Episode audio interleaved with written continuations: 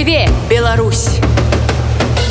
Працягваюцца беларускія ночы на радыёнет у студыі на кракоўскім прадмесці з вами Аліна крамко і гукарэжысёрка Ася Рэйнер. Шаноўнае спадарства нагадаю, што слухаць нас можна не толькі ў варшаве, самых розных польскіх гарадах, дзе пражывае цяпер найбольшая колькасць беларусаў. Зрэшты нямала нашых суайчыннікаў эмігравала і ў іншыя краіны, сярод якіх, канешне, і краіны Балтыі. І менавіта там цяпер знаходзіцца кіраўнік нашай службы ольга сямашка. Працуе у межах вялікай вандроўкі радыёнет по-польску гэта гучыць так велька выправа радыёвнет ольга добрай ночы.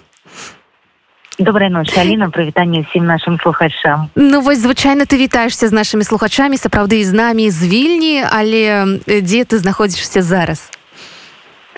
я зараз знаходжуся ў рызе і сёння тут такі другі дзень нашай латвійскай часткі вялікай выправы радоўнет да гэтага нашы калегі прыехалі у вільню і ездзілі мы колькі дзён па літве. Я у вільні дарэчы далучылася да гэтай кампаніі былі мы на выходных у клайпедзе ну і вядома апроч таго што мы папрацавалі так плённа папрацавалі але там неподалёку балтыйскае узбярэжжа і можна было забачыць на наших фотографіях на нстаграме ўжо радыовнет что у нас попросту была такая программа адразу с пляжа мы адразу праводзілі такую музычную праграму з пляжа і можна там забачыць як гэта выглядала і адразу скажу что там такія каларытныя здымкі яшчэ некалькі дзён мы будзем знаходзіцца ў рызе ну а потым далей вялікая выправа поедзе да эстоніі там у нас запланаваны некалькі дзён у таліне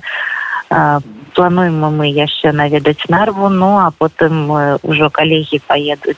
у скандынавію у хельсінкі і стакхолем ну а я буду паступова вяртацца ў вільню. Яшчэ колькі там тыдневка буду ў рызе але ўжо сваіх справах. Але я думаю что вось тыя стасункі якія зараз мы налажваем пачаць гэтай вялікай выправы з дыяспорамі якія знаходзяцца ў прыбалтыйскіх краінах я думаю што яны попросту нікуды не дзенуцца і мы будзем надалей працягваць наши стасункі потому что потому что вельмі шмат тут цікавых беларусаў знаходзіцца ў краінах балты і зрабіць за некалькі дзён з імі за сцімі інтэрв'ю і просто выпусціць гэта в нашем эфиры немагчыма нам патрэбна болей часу і я спадзяюся што ён у нас будзе і так ці інакш калі будуць з'яўляцца матэрыялы пераважную світанку свабоды альбо штосьці пачуем у беларускіх начах ёсць уже матэрыялы напрыклад радзіла я інтэрв'ю пра клайпецкі порт. Гэта такія вельмі важны эканамічны партнёр быў для беларусі клайпецкі порт. І таму пасля таго як з'явіўся з'явіліся санкцыі беларускі амерыканскія дачыненні да таго што была забарона транзіту беларускага беларускага калія праз гэты порт. Там склалася такая сур'ёзная сітуацыя што і абарот порта упаў і эканамічныя паказчыкі знізіліся і самой клайпеты і порта і таму вось аналізавалі мы з экспертамі як гэта выглядае что там робіцца каб замесціць гэтыя беларускія грузы і безумоўна што я раблю гэтыя вывяды у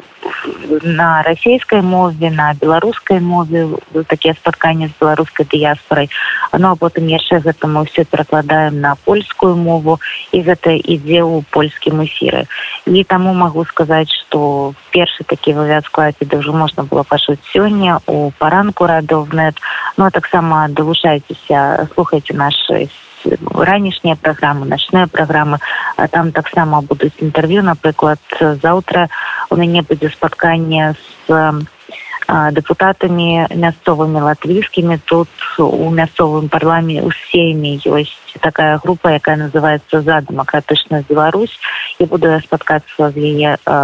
чальцамі і будзем мы размаўляць на тэму і падтрымкі мясцовай беларускай дыяспоры тут у Латвіі таксама пра тое якую дапамогу на міжнародным узроўні аказвае гэта парламенцкая група Ну і безумоўна зараз такая актуальная тэма тут у Латвіі гэта візавае пытанне і пытанне відаў на жыхарства для беларусаў mm -hmm. таму што на фоне вось гэтых вось апошніх падзей якія звязаны з Росіяй з вайной ва ўкраіне і з тым што Беларусь яна прызнана краінай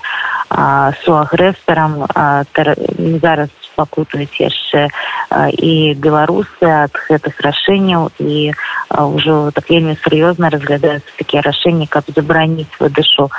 турыстычных віз беларусаў. А напрыклад у латвіі там яшчэ такія сур'ёзныя рашэння будуць прымацца і па відах на жыхарства новости заўтра будзе цікава пашуць меркаванне парламентарыяў якія ўваходзяць вось у гэтую групу за дэмакратычную Беларусь якім чынам яны бачаць гэта пытанне якім чынам просто наши дэмакратычныя сілы наши палітыкі могуць умяшацца у гэтую праблему і якім чынам просто можна яе вырашыць гэта ўжо другая падобная выправа. Першая была у якой ты прысутнічала. Э, вось гэтае першае падарожжа было па гарадах польшчы гарадах тых самых дзе пражывае вельмі вялікая колькасць беларусаў. Якія гэта эмоцыі якія гэта думкі адказы на якія пытанні? Вось падобныя сустрэчы менавіта на месцы што называется у полі калі ты працуеш не па тэлефоне не за сродкамі сучаснымі тэхнічнымі а менавіта вось так. Вочы ў вочы. а так скажу что мінулая вялікая выправа якая праходзіла по польше она была вельмі удалым проектом у тым ліку і для нашай беларускай рэдакцыі радыўна тому что побачыла я тады вельмі шмат беларусаў якія фактычна раскіданы по краіне кожны жыве у сваім горадзе робіць вельмі цікавыя проекты якія тышацца і культуры і тэатра і просто гэтай беларусы яны адно пра аднога не ведаюць і вось паехаць па гэтых мясцінах беларускай эміграцыі пазнаёміцца з імі расказваць пра цікавыя праекты якія яны рэалізуюць і потым усё гэта аб'яднаць у нашым эфіры і нават пазнаёміць беларусаў з розных гарадоў польшчы ну гэта быў просто такі плённы проект. Я скажу что з тымі з кім я пазнаёмілася падчас той вялікай выправы якая фактычна год таму была па польшчы я і да гэтага часу маю а, такія вельмі цесныя кантакты. І а, просто мы на нашым радыё таксама у эфіры рады унет мы гэта анансуем усе іх праекты беларускай дыяспоры расказваем пра іх і па магчымасці таксама наведваем іх ездзім у розныя гарады польльши і таму я спадзяюся што вось гэты проект які зараз у нас рэалізуецца па краінах балты балты будзе не менш плённым тому что як я уже казала что тут таксама жыве вельмі шмат беларусаў якія актыўна задзейнічаны ну напрыклад зараз такая актуальная тэма дапамогі украінцам і вельмі шмат беларускіх ініцыятыў у гэтых краінах і таму я спадзяюся что гэтыя контакты у нас таксама завяжуцца. Хоць мясцовая дыяспора скажу так адразу яна вельмі сціплая потому что калі да прыклады я пісала хто з беларусаў гатовы паразмаўляць са мной у рызе мне адразу пачалі пісаць что ну тут не вельмі шмат беларусаў ну безумоўна іх не, не так шмат як у літве дзе я так зараз фактычна жыву ідзе таксама быў беларускія ініцыятывы яны практычна кожны дзень там нешта адбываецца у рамках той беларускай дыяспоры вось але э, хочу сказаць что і тут